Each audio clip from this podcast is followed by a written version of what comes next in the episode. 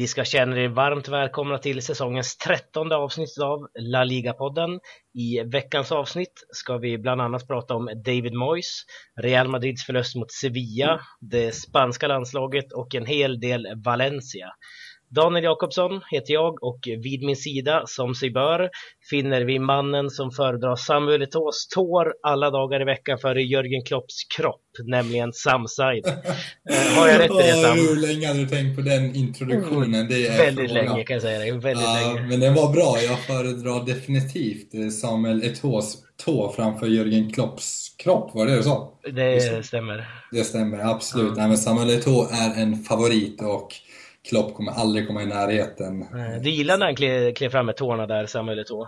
Ja, han gjorde det väldigt ofta faktiskt. Eh, Jag obligatoriska. det där målet mot Manchester United i Champions League-finalen 2009 är ju bland annat en riktigt bra tå. Ja, precis. Var... En annan, en annan jag kommer ihåg faktiskt nu på rak arm, det är en viktig bortamatch mot Sevilla säsongen 08-09, samma säsong faktiskt. Också ett otroligt viktigt tåmål av Eto'o. Ja, många tår på Eto'o. Ja. Tio förmodligen. ja, men det är bra. Tack, tack, för, tack för den introduktionen. Ja, eh, med oss den här veckan har vi även Kasper Nordqvist som gör sitt tredje eller fjärde inhopp i La Liga-podden tror jag. Eh, Allt bra med dig Kasper? Jo, det är bara bra. Jag tror att det är fjärde gången, men det var, jag tror det var typ så här, kan det ha varit typ januari senast eller? Ja, jag vet inte riktigt. Det, det har, inte, var inte med, har inte varit med under hösten vet jag i alla fall. Nej. Har vi haft med någon annan från Valencia-reaktionen kanske?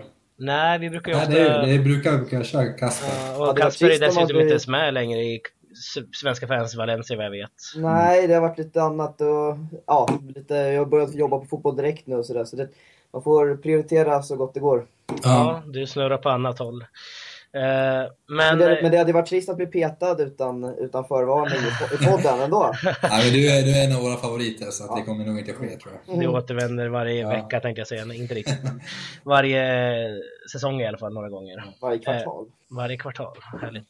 Eh, vi ska direkt hoppa på första programpunkten som vi har och det är ju då veckans fråga som eh, ni skickar in till laligapodden gmail.com. Ni kan skicka in era frågor och ämnen eh, eller någonting som ni vill att vi ska prata om, era synpunkter helt enkelt.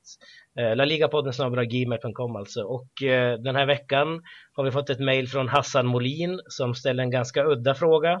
Eh, men som jag tycker var ganska kul och vi tar den därför. Eh, frågan lyder i alla fall, vilka har varit La Ligas bästa silverrävar? Och finns det några silverrävar kvar i La Liga? Och då ska vi definiera, eller Sam, kan du definiera vad en silverräv är till att börja med? ja, det var en helt underbar fråga för det första, så cred till den frågan. Silverräv, ja, hur ska man eh, definiera det? Eh, det första man tänker på, eller som jag tänker på i alla fall, det är ju såklart eh, Ravanelli.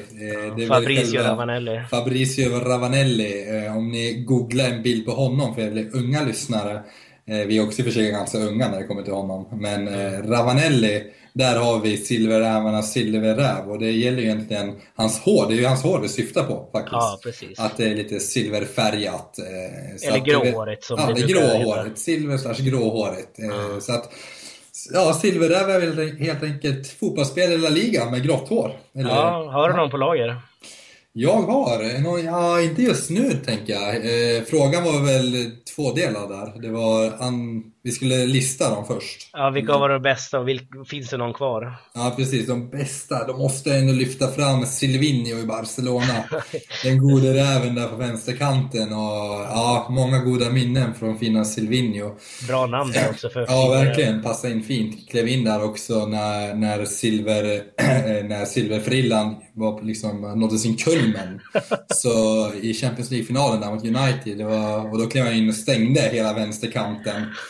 Så att, eh, ja.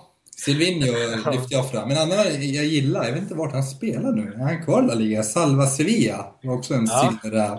Vart spelar han nu?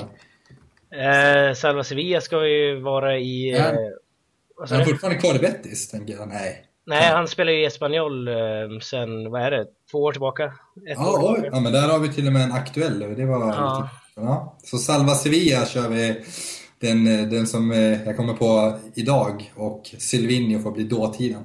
Mm. Salva Sevilla och Silvinho säger Sam. Har du någon eh, silverräv på lager, Kasper? Ja, det är väl eh, Tolalan i så fall som man kommer på. Ja. Det är väl, det är väl, det är väl, det är väl den som, man, ja, som jag tänker på först i alla fall. Och, och, och kanske den enda som jag kommer på också. Ja, eh, Canizares, räknar vi in honom där? Han är ju, vi, han är ju helt Är det blond. Ja, gulhårig, nästan Ja. sån här kyck, kycklingfrilla. Ja, okej, okay, Canizares räknas inte. Det var den enda jag hade på lager. Ja, men eh, härlig fråga ändå. Det var ganska roligt att diskutera. Canizares var väl mörkhårig egentligen bara att han hade kört sin bl- blonderat så att han såg vithårig ut.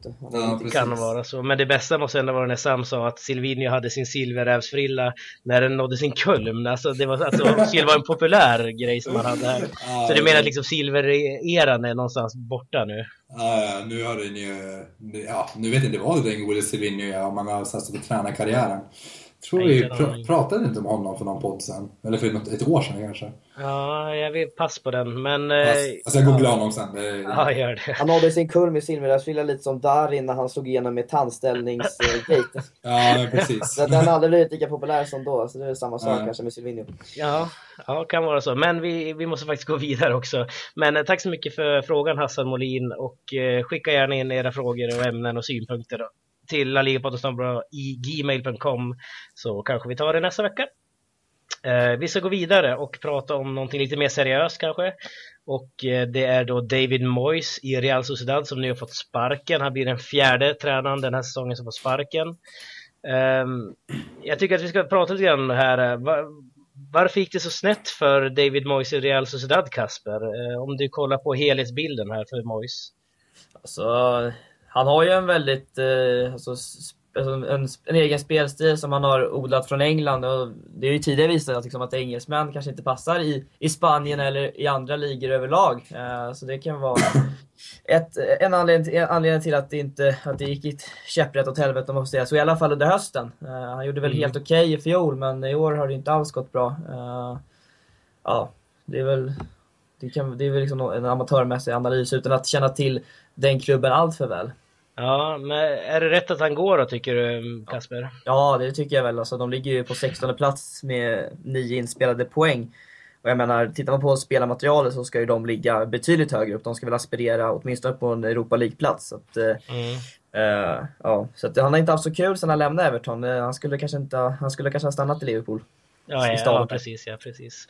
Um, Sam, är det någonting särskilt du ser i spelet som eh, David Moyes har misslyckats med här? Och tycker du, samma fråga här, tycker du att det är rätt att han eh, lämnar eh, La Real?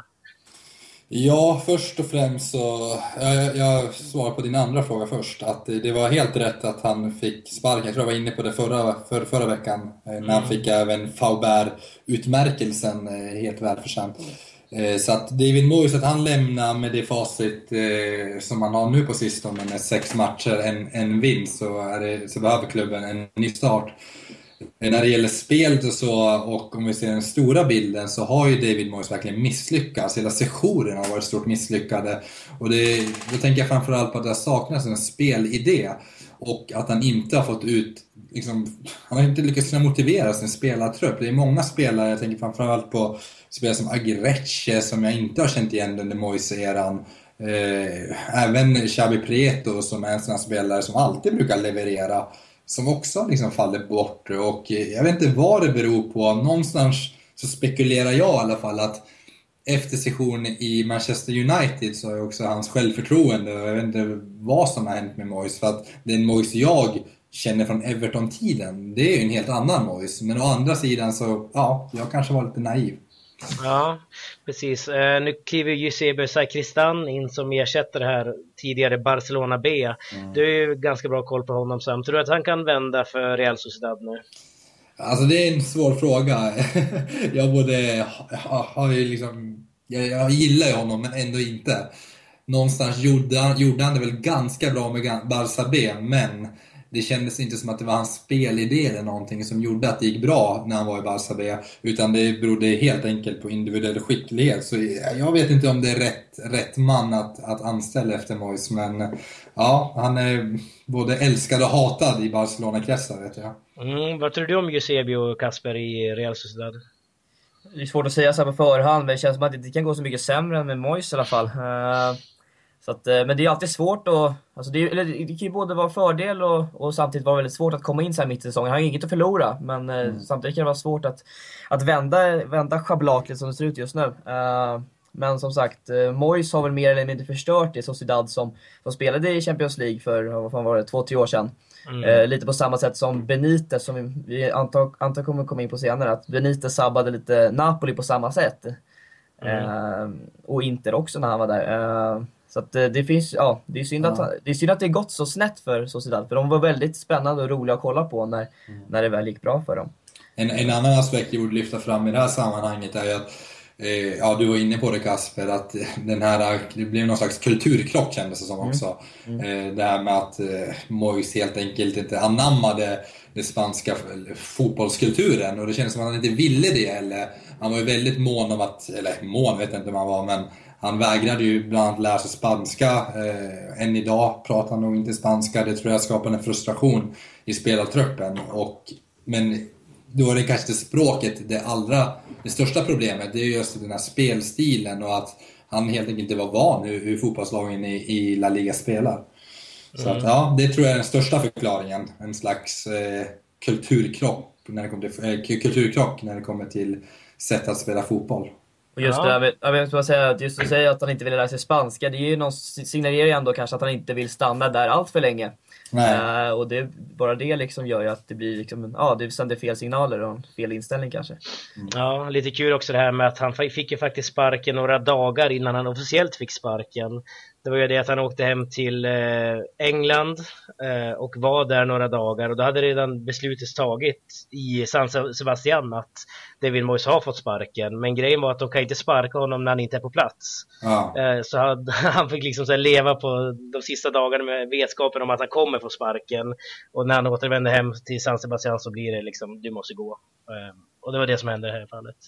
Mm. min tanke var egentligen här att vi skulle snacka om Malaga lite grann. Men tiden faktiskt runnit ifrån oss och vi får nog skjuta på Malaga till nästa vecka. Mm. Eh, hoppas det är okej okay med er.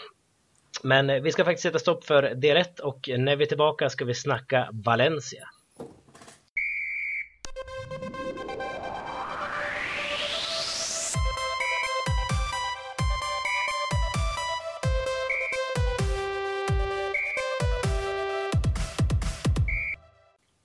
Trots en ganska så skakig säsongsinledning så tog Valencia en mycket stark bortaseger mot formtoppade Celta Vigo i helgen. Eh, segersiffrorna skrevs till otroliga 1-5. Eh, Kasper, vad hände egentligen? Ja, jag ska erkänna att jag inte såg matchen. Jag var på kryssning under helgen. Eh, så okay. jag, såg, jag såg alla matcherna, men jag har ju läst på såklart efter och sett allting och så. Och det var ju en rejäl överkörning. Alltså bästa matchen på säsongen, helt klart. Mm. Och det kändes som att mycket, mycket släppte där.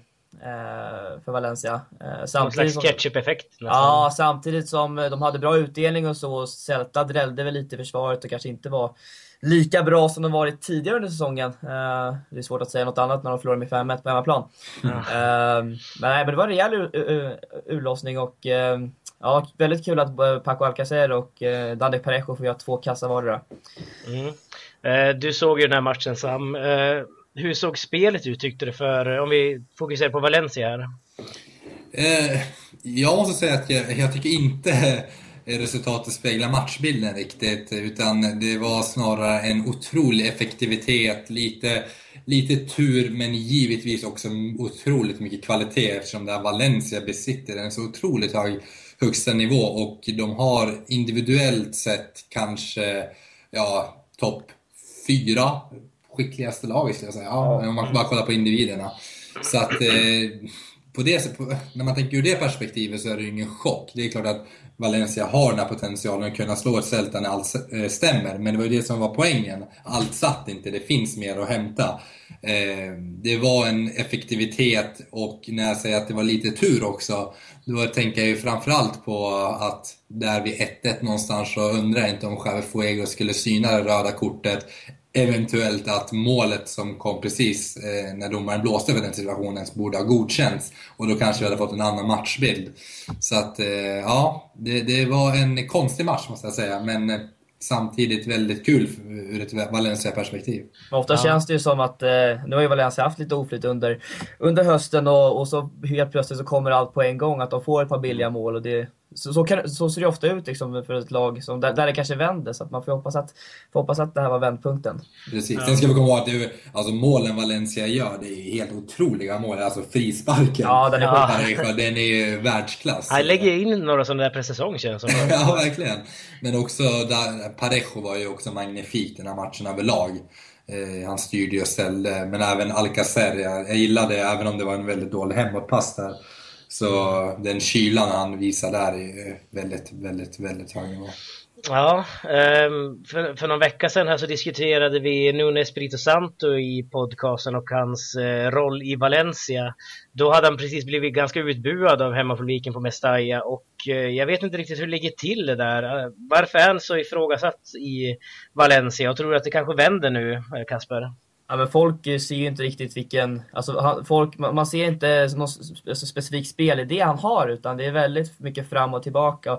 Det är ju det, det, det man sett med Valencia de senaste åren, att det varit, eh, liksom, man har inte sett det här tydliga och hur man vill spela och så. så att, eh, och det är det man tycker med honom också, att det är lite luddigt vad han egentligen vill. Uh, och, ja, nu är det svårt att säga något efter 5-1, att han ska få sparken, men vi får väl, vi får väl se några matcher till och så. Men jag har ju tyckt att han ska få tid och så. Han verkar, han verkar vara rätt tight med Peter Lim och sådär. Och, och, och, det, och det är väl en nyckel i det hela att, att, att Peter Lim har en, har en tränare som han tror på. Och så. Ja. Uh, men förutom den här bristande spelidén tänker jag, alltså, på, på vilket sätt har det skurit sig så hårt med fansen? Och det, för det är inte varje gång, varje liksom, säsong man får höra Mestalla stå och bua ut en tränare liksom.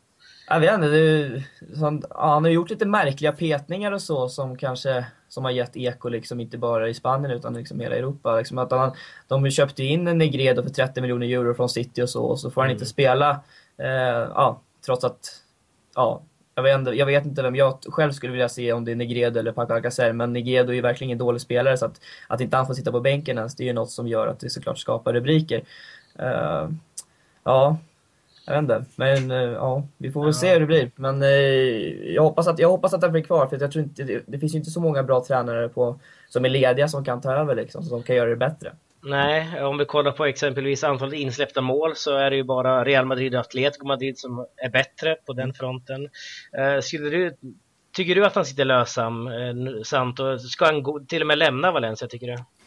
Nej, jag tycker, man, jag tycker Peter Lim i det här fallet ska ha tålamod och jag tycker fansen borde ha lite mer tålamod. Men jag tror också att det finns en frustration här att Negredo inte kommer upp i den potential han faktiskt har. Eller potential, han är ju också, han har, vi vet redan vad han går för. Nu är det är lite upp till Nunes Spirito Santo att få honom att leverera. Men det är ju väldigt svårt om han inte ens är på planen, eller på bänken för den delen. Ja. Så där, där, där finns det ju ett, ett dilemma, så, eller det, det, det, där måste ju Nuno hitta en lösning. Jag tror att någonstans så föredrar han faktiskt Paco Alcacer, även om han har faktiskt även petat Alcacer vissa matcher. Mm. Så att, eh, frågan är om, inte, om man inte faktiskt håller på att implementera någon slags rotationssystem som bara måste sätta sig. Även om vi är inne i november nu. Ja, men om vi kollar på Negredo, han får inte ens vara med på bänken längre utan det är läktaren som gäller för Alvaro Negredo som var en stjärna i City och Sevilla och så vidare. Um, om vi kollar på honom, jag har ju en liten konspirationsteori här om varför Alvaro Negredo är utfryst ur klubben. Mm. Och um, i somras här nu när Peter Lim skulle stärka klubben uh, så ville han visa sina muskler för Europa, plocka in Negredo som du säger för 30 miljoner euro. Det kanske inte var Nuno Espirito Santos värvning ens. Och det kanske gör att nu känner han att nej men det här är inte min spelare, jag ska inte tvingas spela med honom. Tror du det kan ligga någonting i det Kasper? Det låter rimligt. Eh, det var väl likadant lite som Mourinho gjorde med Andrei Shevchenko. Eh, när Abramovic mm. köpte in honom till Chelsea för extremt mycket pengar. Det var inte, Mourinho ville inte ha honom men Abramovic tog honom då och då var det liksom en maktdemonstration att Mourinho då satte honom på läktaren istället. Eh, kan, kan vara något liknande här. Men samtidigt så så är ju Negredo en väldigt, alltså de, han är ju en annorlunda spelartyp än Paco Alcacer och är väldigt bra på huvudet och stark i boxen och så. Så att det är ju absolut en spelare att ha på bänken i alla fall som man kan slänga in mm. och förändra en matchbild. Och det, det var ju som Del Bosque när han vägrade spela Llorente liksom. Det är ju lite ja. samma feeling man får här. Eh, något, något skumt är det. Ja, det, det är som du säger, alltså, ta Sevilla nu som har Fernando Llorente på bänken, hoppar in, nickar in ett mål mot Real Madrid. Det är väl sån sorts spelare Negredo på något sätt också är. Precis. Eh, kan det vara så samma att han, Negredo helt enkelt kanske inte passar in i Santos spelsystem? Det tror jag definitivt och jag, jag delar nog din teori där, eller din konspirationsteori om vi får kalla det så. Ja. Eh, jag tror att det ligger mycket i det, att det, här, det är någonting lurt som vi inte känner till. Och, eh, här, och om det är så, så visar ju Nuno Espirito verkligen, vad ska man säga, cojones, om man ut, uttrycker sig som Simeone. Men eh, jag tycker ändå att han, ja, bänken, alldeles oavsett om han inte passar in i det här laget eller om Nuno Espirito Santo inte vill ha honom på planen så är han ändå så pass, hans, hans kvalitet håller en så hög nivå att på bänken så fyller han en funktion i vilket lag som helst. Han skulle till och med kunna vara en alldeles utomordentlig bänkspelare i- i ett Barcelona eller Real Madrid. Mm. Ja, eh, om vi kollar på spelartruppen mer generellt då, om vi bortser lite grann från Negredo nu då. Eh, finns det någon spelare, Kasper, som du tycker vi ska lyfta fram lite extra som har gjort det lite överraskande bra, kanske? överraskande, överraskande, men jag tycker att Mustafi varit eh, helt eh, fantastisk under hösten. Han har verkligen Mm. Alltså han, förra året så kändes det som att han stod lite i skuggan av Otamendi, men nu har han blivit den här eh, ledaren som, eh, som Valencia behöver. Han har verkligen, verkligen tagit för sig i backlinjen och eh, han, han är en stor orsak till att Valencia släppt in så, så få mål som de faktiskt gjort. Ja, bara 23 år också. Mm. Bara en sån Eh, sak. Men eh, om vi kollar på mannen bredvid honom, som vi trodde i alla fall, Abdennour. Eh, vad har hänt där? Han har bara spelat tre matcher. Ja, alltså han, eh, han imponerade ju väldigt mycket i, i kvalet då, eh, när han spelade i Monaco. Det var ju mycket därför Valencia köpte över honom, för att han, att han såg väldigt bra ut och så. Men jag vet inte, han känns lite långsam och klumpig. Eh, Ruben, Ruben Veso som har spelat istället är lite rappare och så. så att, eh, jag vet inte, det är väl, det är väl en petning helt enkelt att han inte, att han inte riktigt eh, har hängt med känns som. Eh, han har ju en fin vänsterfot och sådär, men ja, han, han har potential. Men man påminner lite om Adel Rami, lite så här, alltså stor och stark men Ja. lite, lite, har lite svårt att, eh, att hänga med när, när, när snabba spelare ja, utmanar. Ja, eh, om vi tar samma fråga till dig då Sam. Finns det någon, eh, eller vi kan vända på frågan till med. Är det någon som du tycker har misslyckats än så länge i Valencia? Någon som du hade kanske förväntat dig lite mer av den här säsongen? Eh, ja, bra fråga. Om man inte ska välja Abdennour, vem ska man välja då? Ja, du får ju välja Abdennour om du vill. Ja, nej, men jag, jag är väl inne där såklart. Negredo skulle man kunna plocka där också såklart. Eh, Men eh, nej, jag, jag, jag kan säga att jag förväntar mig någonstans mer av all, samtliga spelare i det här laget. Ja. Eh, Men jag, jag känner ju någonstans att det är på gång. Men om vi tar Pablo Abdennour-fallet. Piatti kanske? Ja, ja kanske. Han har ju, han har ju varit lite poänglös här på sistone. Men eh, nej, då, då, då tror jag ändå att jag hade mer förhoppningar på Abdennour. Jag trodde han skulle kliva in som en general där bak. Eh, eh, kanske inte direkt att ta någon slags ledarroll, men jag trodde han skulle vara en startspelare. Och det är inte för sent än. Jag tror fortfarande det finns någon slags akklimatiseringsprocess här som, som måste få äga rum. Ja, Jag måste bara tillägga det med en annan spelare som har varit bra i år, eller i höst, det är ju Joao Cancelo.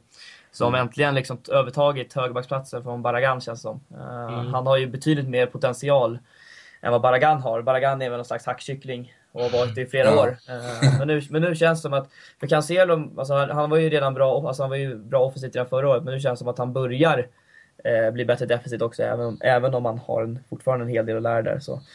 Så det är skönt att, ändå, att han får mer och mer förtroende på högerbacksplatsen. För det, det är en riktigt bra högerback som kommer bli, som kommer bli väldigt bra. Ja. En annan, en annan faktiskt som jag är lite besviken på Daniel, det är ju där Ryan som vi hade stora förhoppningar om. Matthew Ryan. det var... Det var, Ja, just det, ja, från det var ju- första, första avsnittet av säsongen ja. Ja, just det. Ja, det var ju en riktig missräkning måste jag säga. Ja, vad var det vi sa? Var det en def- vi trodde att det var en defensiv mittfältare från Skottland. Jaha!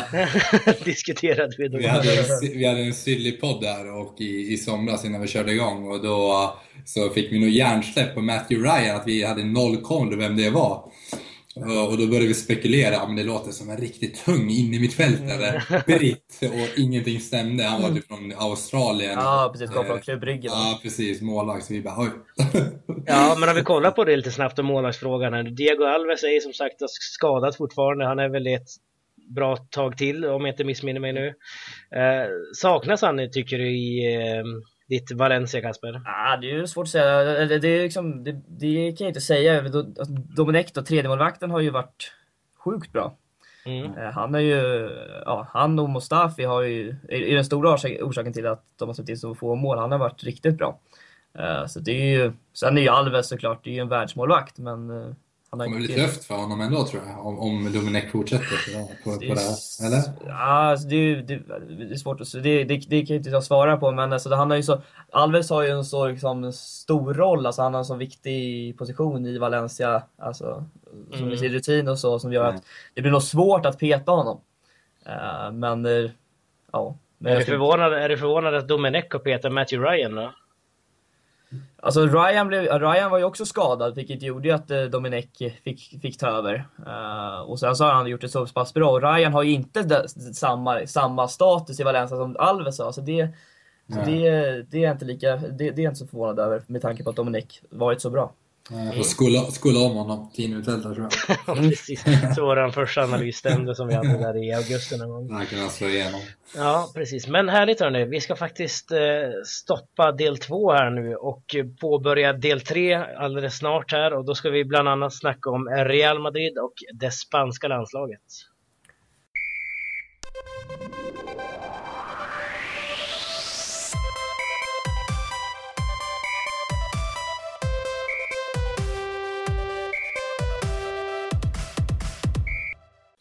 Förutom Valencias storseger över Celta i helgen så kan vi notera att Real Madrid nu gått på sin första ligaförlust för säsongen. Eh, under och efter matchen kunde vi läsa många hård, hårda ord riktade mot bland annat lagets stjärna Cristiano Ronaldo.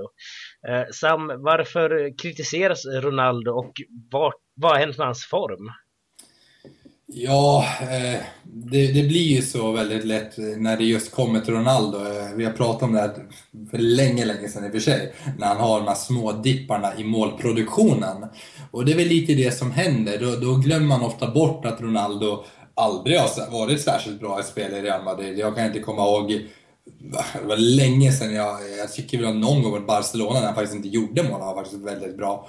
Eh, men eh, det var länge sedan han var så väldigt bra i spelet. Däremot har han alltid haft ett, liksom ett obligatoriskt mål. Och när de här obligatoriska målen försvinner, eller när de inte är så återkommande längre, då upptäcker man bara oj vad dålig Ronaldo är faktiskt. Och ja. det är väl liksom en sån klassiker nu. Men i det här fallet finns en till dimension. Nu är det ju också så att jag har en liten känsla om att Ronaldo inte klaffar med Benitez. Jag vet inte varför. Eh, men vi kanske kommer in på det. Ja, alltså den här kritiken som är mot Ronaldo är ju faktiskt mycket riktad mot Benitez samma veva. Eh, vi har, fast å andra sidan, om vi, om vi kollar på Ronaldo som i matchen här mot Sevilla, där han eh, kan passa Luka Modric som ganska enkelt kan rulla in 2-2 där. Han tar ett skott istället, Ronaldo, och match, strax därpå så gör ju liksom Sevilla mål igen då. Mm. Um, kan det vara så att, som Sam är inne på Kasper här, att Benitez kanske drar ner Ronaldo och att det är snarare Benitez som ska kritiseras hårdare än Ronaldo? Jo, men eh, så kan det vara. Alltså, vissa tränare eh, stryper ju mer eller mindre, eller kväver alltså, samma stjärnspelarnas eh, frihet och så. Eh, Ronaldo är en spelare som ska ha väldigt mycket fria tyglar och om, han, om då han tvingas inkluderas i Benites rätt trista defensiv så uh, det är möjligt att han inte liksom, får samma, får samma utrymme, utrymme att göra det han är bäst på. Mm. Så så kan det vara. Ja, så, såg du matchen mot Sevilla, Kasper? Såg delar av den. och, Vad såg du då? Ja, jag, såg, jag, jag blev mest imponerad av Sevilla. Att de, alltså att de orkade, liksom, eller att de klarade av att av att eh, ändå göra en så pass bra match med tanke på att de inte är i sitt eh, bästa slag heller. Uh, men det, men det, men alltså, vi snackade tidigare om att, eh, att, eh, att Benitez förstörde, eller jag snackade om att Benitez förstörde både Inter och kanske även även Napoli eh, liksom sabbade lite av deras spelfilosofi och det känns ju som att han har potential att eh, förstöra det Real Madrid som mm. eh, Carlo Ancelotti och Mourinho för den delen byggde upp. Eh, mm. Så att ja, nej, det känns som att han kanske inte är passar, passar in så jättebra i Real Madrid. Och det, och det var väl inte jättemånga som som trodde att han skulle göra supersuccé när han kom heller. Det var väl så att man, man höjde lite på ögonbrynen när Benitez förklarades som ny Real-tränare. Ja, precis. Om vi kollar till den här matchen Sam. Eh, Konoplyanka, eh, hur bra är den här killen egentligen i Sevilla? Han är riktigt bra och han var bra den här matchen också. Eh, hans förarbete till Banegas mål är av yppersta världsklass. Och Kolopianka kommer bli, eller är redan, en, en viktig spelare för Sevilla. Jag var väl lite orolig där någonstans ja, när, när, han inte fick till det, huruvida, ja, hur mycket anpassningstid han behöver till ligan egentligen. Men eh, han har väldigt hög högsta nivå och eh, kan han hitta den lite mer alltså, kontinuerligt, då kommer det här bli en härlig spelare att följa ett bra tag framöver. Ja, om vi kollar lite grann på den där assisten till äh, målet mot Bane, till Banega då, som mm. ledde till 2-1 till Sevilla. Han glider ju bara igenom, alltså som, han skär mm. som genom smör genom hela Real Madrids backlinje. Förvisso, Danilo går bort sig en del, Pepe blir stillastående, Nacho vet inte vad han ska göra riktigt, men ändå, det är en riktigt fin äh, prestation av Konoplyanka måste man ändå säga. Mm. Eh, vad ser du i den här spelaren Kasper? Tror du att det kan bli en blivande världsstjärna det här? Jo, man har ju det här, eh, alltså verkligen det här klippet i steget och alltså bollen klistrar vid fötterna som, som eh, ja, och det är, en, liksom, det är en egenskap som inte växer på träna utan ja, han har, han har det lilla extra så om man bara får spela och ja, gör bra ifrån sig så kan han nog bli hur bra som helst. Uh, mm. Det tror jag. Uh, och han, han visade ju i i, i både klubblag och även under EM 2012 eh, i Ukraina att, att, eh, att han har en väldigt hög potential. Så att, eh, ja, han kan nog bli riktigt bra om man, om man, har, om man har marginalerna på sin sida och inte blir skadad eller något sånt där. Precis, mycket som kan hända. Men eh, lite kort om den här Real Madrid-situationen, om vi återkopplar till det Sam. Eh, ser du att det är någon kris i Real Madrid i och med den här förlusten? Eller ser du på att Benitez kommer bygga ihop det här och bara bygga vidare? Ja, jag, jag, det, jag tänker lite på det Adam Pintorp var inne på att han var ju inte särskilt imponerad av Real Madrid. Jag är inte heller särskilt imponerad av Real Madrid och det här sa vi också under en tid där, där de faktiskt vann i stort sett varje match och det har de gjort i ligan hittills. De har, det här var deras första förlust, de har överlägset bäst målskillnad. De åkte till Celta gjorde en, och, och vann där. De har liksom gjort jobbet. Men det ändå var det en sån här konstig känsla. Alltså Keylor Navas ah, har varit riktigt bra om man tänker, tänkt lite efter varje match. Eh, det var lite konstiga misstag backlinjen gör. Ronaldo kom inte till lika många lägen. Eh, men han gör ändå mål fortfarande. Ja, det har varit så här... Ja, det känns hundraprocentigt. Men, ja, så att... Jag skulle inte säga att det det är en kris eller någonting. Men eh, Nej. det är väl någonting som inte sitter. Och det, det, tror jag hänger ihop väldigt mycket med att Benites eh, fotbollsfilosofi inte riktigt eh, är kompatibelt alltid, eller liksom inte klaffar med det Ancelotti och Mourinho har byggt upp. Och den här trans transaktionen som sker just nu, den har, ja, den har påverkat spelet. Så att, mm. eh, det är väl det, det vi kan säga. Ja. Det är lika, lika mot PSG i, i dubbelmötet där. De gjorde inte bra. Alltså de, även när de vann nu senast ja. så var det, det var ingen bra insats. Nej, PSG var ju bättre. Ja, det, det, var ju, det var ju ett under att, att eh, Real Madrid ledde där i halvlek. Jävla det var, så, gjorde också. Ja, det var ju så orättvist det bara kunde bli att, eh, att PSG låg under, att Real Madrid vann den matchen till slut. Ja, och Nacho blev ju målskytt den gången.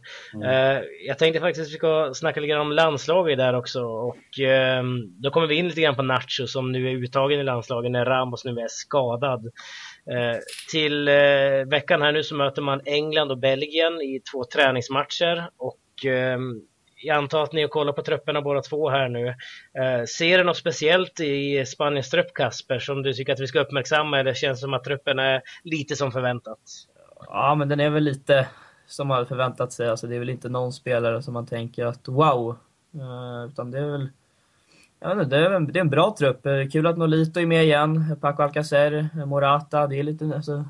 yngre spelare som ändå får chansen, som ska få chansen också. Kul att Thiago, Thiago är med också. Det, ja.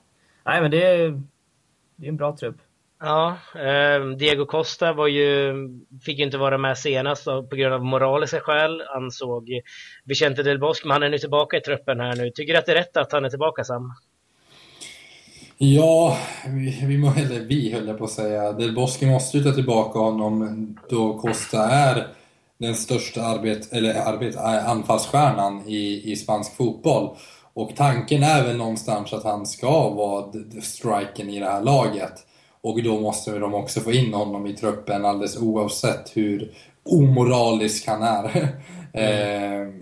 även om jag någonstans tycker att hans form även har varit lite sådär precis som hela Chelsea. Den har egentligen varit rent sagt usel om jag ska vara ärlig. Ja, men det är i hela Chelsea ja, förvisso. Det är hela Chelsea så att det kanske är lite orättvist att peka ut bara honom. Mm. Eh, men jag vet inte. Det är väl bra, även om jag hoppas någonstans att Morata, Alcacer kanske borde ta den här platsen ändå. Ja, ja men om du, samma fråga som jag ställde till Kasper här nu då. Om du kollar på den här 24-mannatruppen som Del har tagit ut. Känns det som att det är någon du saknar eller är det någon skräll som du ser i den här truppen? Nej, ingen skräll riktigt. Det är många som jag reagerade på nu lite förra gången och tyckte det var jättekul och precis som Kasper säger, kul att han är fortfarande kvar den, den största överraskningen, och det är, det är ingen överraskning längre, det är väl kanske det märkliga, det är väl Mark Bartra någonstans som jag inte riktigt mm. förstår varför han är i landslaget. Det är verkligen att glida över bananskal bara för att man spelar i Barcelona. Han har inte fått sitt genomslag i Barcelona, eh, som kanske många trodde. Han har blivit en helt okej rotationsspelare, han spelar inte de viktiga matcherna, han har inte det förtroendet, har aldrig haft heller för den delen. Så att jag vet inte varför han har så starkt förtroende hos Del Bosque. Nej. Vem hade du velat ha in där istället då? Har någon Victor Ruiz eller något sånt där? Ja, Victor Ruiz vet jag inte, men ja, jag, jag har ju i lång tid gillat Inigo Martinez där, om inte han är med nu. Nej, det är han inte. Nej. Nej, och han, får, han verkar inte ha... Nu har i och för sig sådär gått, gått väldigt, väldigt dåligt, så att det hänger väl ihop väldigt mycket med det. Men Inigo Martinez har ju en potential, så vi får skylla på Mois där att han inte kommer ja, Precis. Eh, Kasper, om vi kollar på de här träningsmatcherna som nu man spelar mot Belgien mm. och England nu då. Eh, hur ser du på de här träningsmatcherna? Det är ju, man spelar mest av de här bara för att ja, lag som, eller länder som Sverige ska få kvala i princip. Eh, hur ser du på de här matcherna?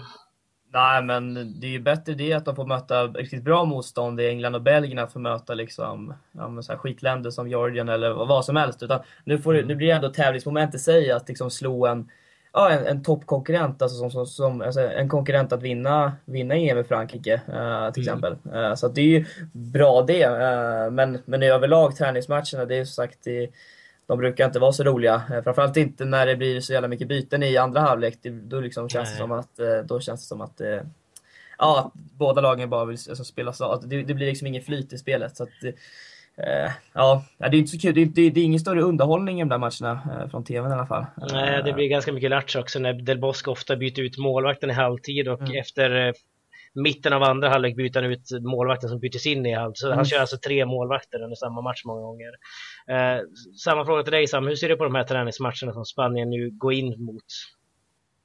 Okay. Oj.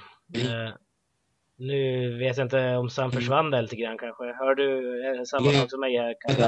Nej, det var brusar. Efter de här det är bara bus, brusar för mig också. Men eh, strunt samma, vi går väl vidare vi två då, du och jag Kasper så länge. Eh, vi ska faktiskt börja runda av programmet här nu så jag hoppas att Sam är tillbaka snart för han ska ju köra sin veckolista här. Eh, men eh, då ska vi tippa veckans match istället tänkte jag då. Eh, denna veck eller förra veckan så tippade vi Celta Vigo Valencia, en match som slutade 1-5 till Valencia. Eh, och då tippade förra veckans gäst Hamid matchen till 2-2. Eh, Sam tippade då att Celta Vigo och Valencia skulle sluta 3-3 och jag tippade att Celta Vigo skulle vinna med 3-1. Och eh, det var ju ingen som var ens i närheten och hade vi fått in 1-5 där så hade det varit otroligt imponerande. Måste jag ändå säga att jag fick in rätt antal mål i alla fall.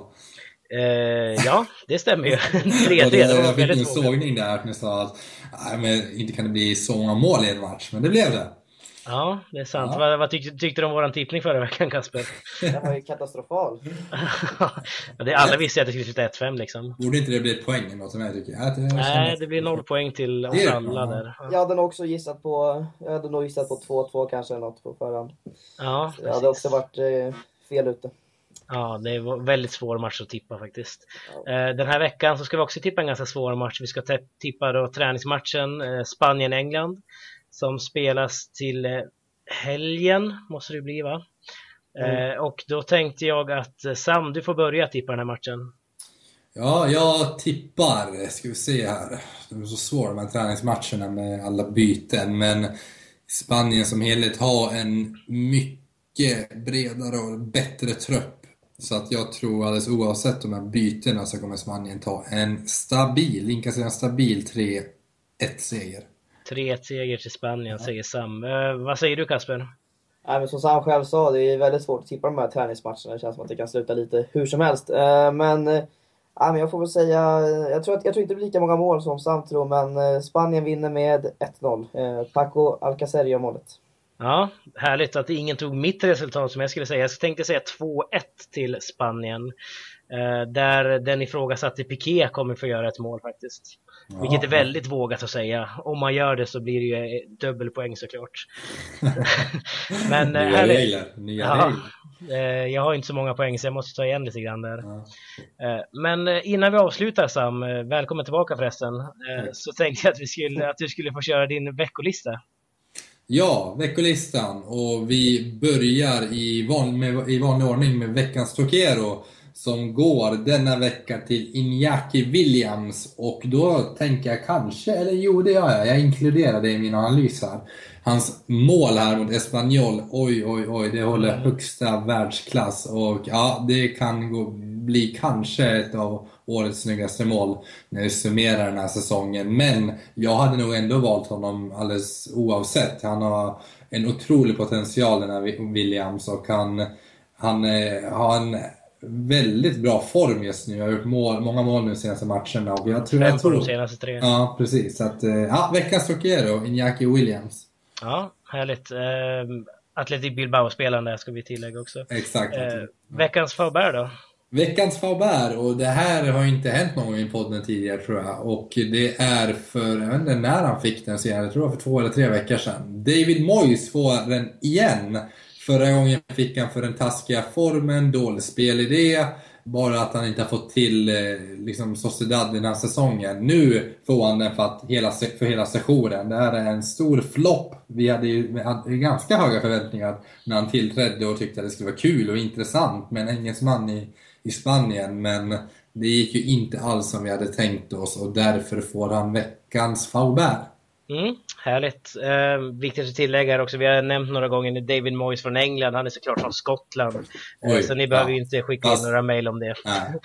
Fast när vi säger England så menar vi nog, eller menar jag ju faktiskt att han eh, har tränat England tidigare. Ja, i England ja. Ja. Eh, men härligt. Köper du listan Kasper? Eller är det någonting du vill tillägga där? Nej, men alltså eh, framförallt Iñaki Williams eh, hade jag ju själv tänkt att om inte Sam hade droppat den så hade jag nog eh, sagt han. För, ja, hans Mm. mål är helt sjukt. Eh, Men jag får väl säga då att jag får väl säga drömmålen då som eh, som eh, Tokeron då att även Neymar får komma in där på en liten på litet hörn. Det var ju nästan lika snyggt som eh, som Iñaki Williams mål. Eh, ja, de påminner lite om varandra. de Ja, det-. Ja, Det- och Sergio Ramos mål är ganska snyggt det också. Ja. ja, de Eh. tre. Parejo också för den. Ja. Nej men, eh, ja så den köper jag helt och sen så likadant Moyes, eh, han, ja, han kan väl få den en gång till. Ja, precis. Eh, vi säger tack och adjö till David Moyes och eh, vi säger även tack och adjö för den här veckan. Eh, eller nej, nu ska jag stanna med lite grann. Sam, kör! Ja, besök vår hemsida om ni vill se, eller, se, nu har vi live, vi borde köra livekamera snart. Mm. Eh, om ni vill lyssna på gamla avsnitt eller se, ja, eh, se lite strukturerat på, på, på det hela. Så att www.laligapodden.se kan ni se lite gamla avsnitt eller hitta dem och vi skulle börja blogga där men ingen av oss har tid just nu vilket är ett, eh, ja, ett, ett lågt betyg för mig och Daniel men i framtiden hoppas vi även kunna skriva några, några rader där. Mm, precis, och om det är frågor och synpunkter så skickar man det till Till laligapodden at gmail.com. Härligt. Perfekt. Eh, perfekt. Då, kan man ju, då kanske man kan lyssna på det här avsnittet när ni snackar upp Matthew Ryan som Valencias defensiva terrier på mitten. Precis. Ja, definitivt. Första Det- avsnittet för säsongen. Precis, gå in på kolumnen avsnitt, tryck på avsnitt ett den här säsongen så kommer ni få ju, då, då förstår ni vad vi menar med Matthew Ryan. ja, precis. Men eh, tack så jättemycket för att du var med den här veckan Kasper. Det var jätteroligt. Ja, tack så mycket själv. Eh, och tack till dig också Sam. Vi hörs ju nästa vecka. Eh, och till er andra så, så hörs vi också nästa vecka för den delen. Nu har jag inte så många ord kvar att säga här. Men eh, då är vi tillbaka med en ny gäst med ett nytt program och förhoppningsvis har Sam en ny mikrofon. Härligt! Bra, tja! Ja.